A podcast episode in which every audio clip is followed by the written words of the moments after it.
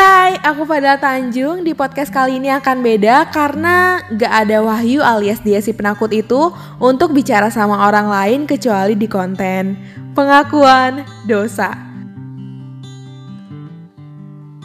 Sekarang aku udah bareng Aulia Wahyu Ramadanti, seorang penulis wetpad, seorang konten creator juga, bikin podcast yang bikin kita ke bawah suasana dan kagum dengan diksi-diksinya.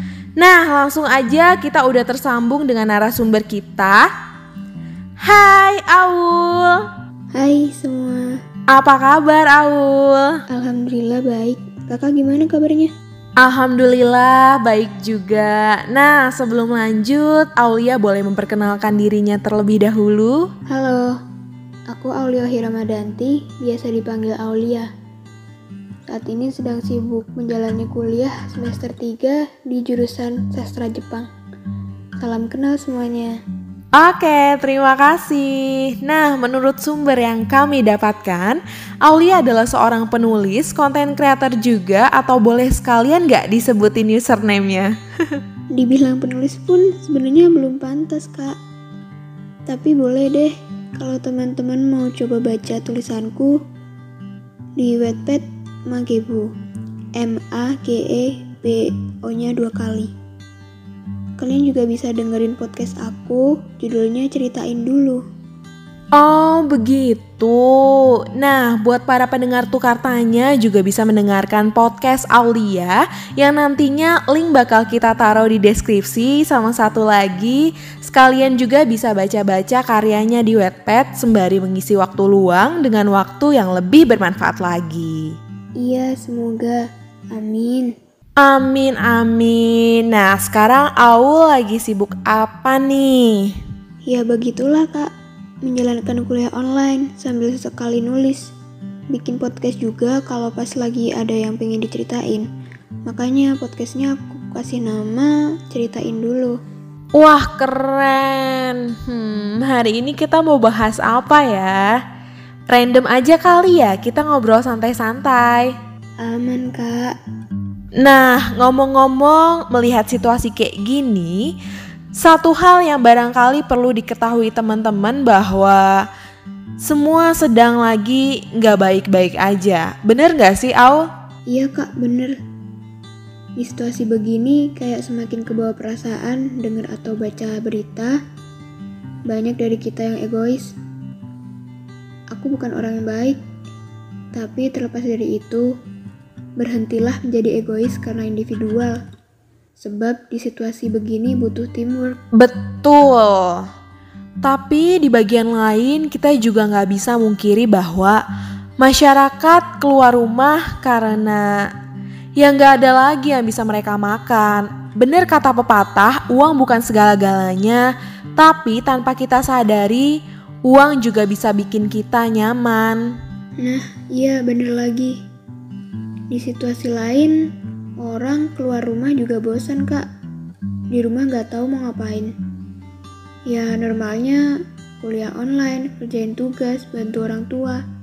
Kebanyakan kerjaan yang benar-benar bikin mereka nyaman di rumah itu belum nemu. Dan itulah yang menjadi alasan yang bikin orang-orang keluar. Ini hanya spahamku ya. Aku juga ngerasa gitu sih kayak bosen aja ya hmm, kuliah online, bantu orang tua beres-beres. Normalnya nih kerja dan hiburan mesti diseimbangin, tapi ini aku nggak tahu ya terkesan sombong atau apa, tapi menurutku di situasi sekarang yang kita butuhin itu menekuni apa yang kita sukai kayak hobi itu membuat kita nyaman sama apa yang kita jalanin. Nah, itu yang mestinya kita gali mengerjakan hal berfaedah, mengenyampingkan keluar rumah. Ngomong-ngomong hal berfaedah dan mengenyampingkan keluar rumah, uh, bagaimana nih Aul masih suka nulis atau ada kendala? Oh iya masih masih. Saat ini aku lagi nulis cerita baru kak.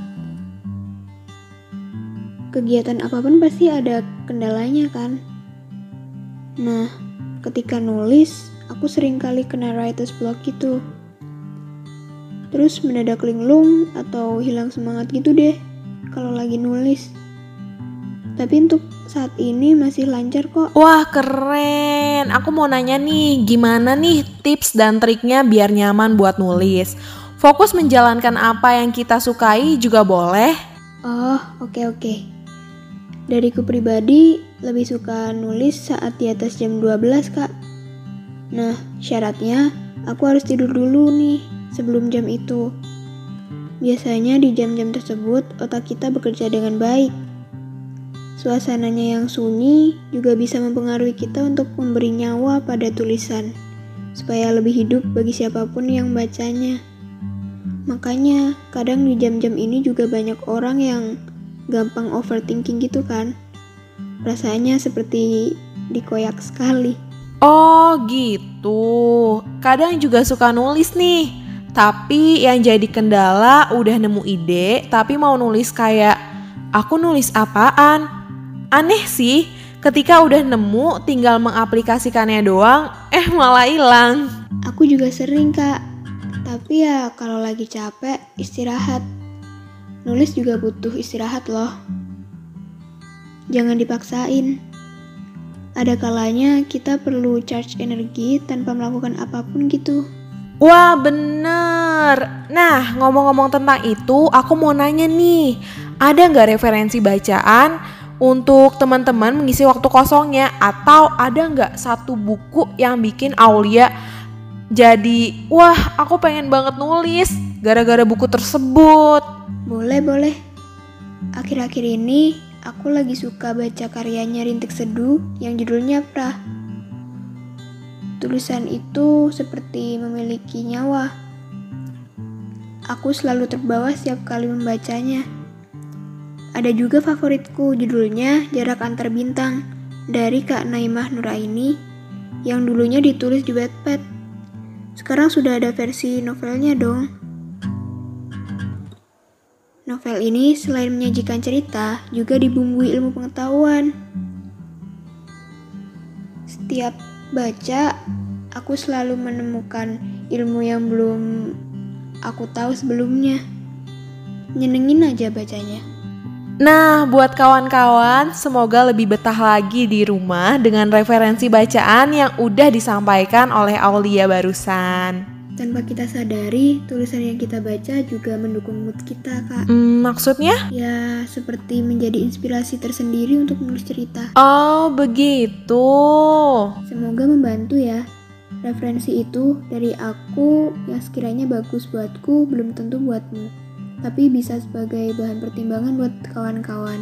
Dan ya, cukup segitu dulu podcast kali ini. Terima kasih buat Aulia Wahyu Ramadanti atas perbincangan sederhana ini dan juga meluangkan waktu untuk berbicara di podcast Tukar Tanya. Hehe, iya sama-sama kak. Makasih juga ya. Nah, ada pesan gak buat para pendengar untuk di rumah aja? Untuk teman-teman yang masih berada di rumah, tolong dipertahankan. Sebosan apa pun itu, segabut apa pun itu, tolong dipertahankan.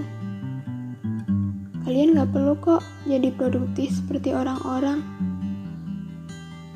Yang perlu kalian perhatikan kesehatan kalian, kesehatan jasmani dan rohani kalian. Dengan kalian berada di rumah, kalian sudah terlibat mengurangi kurva penyebaran pandemi ini.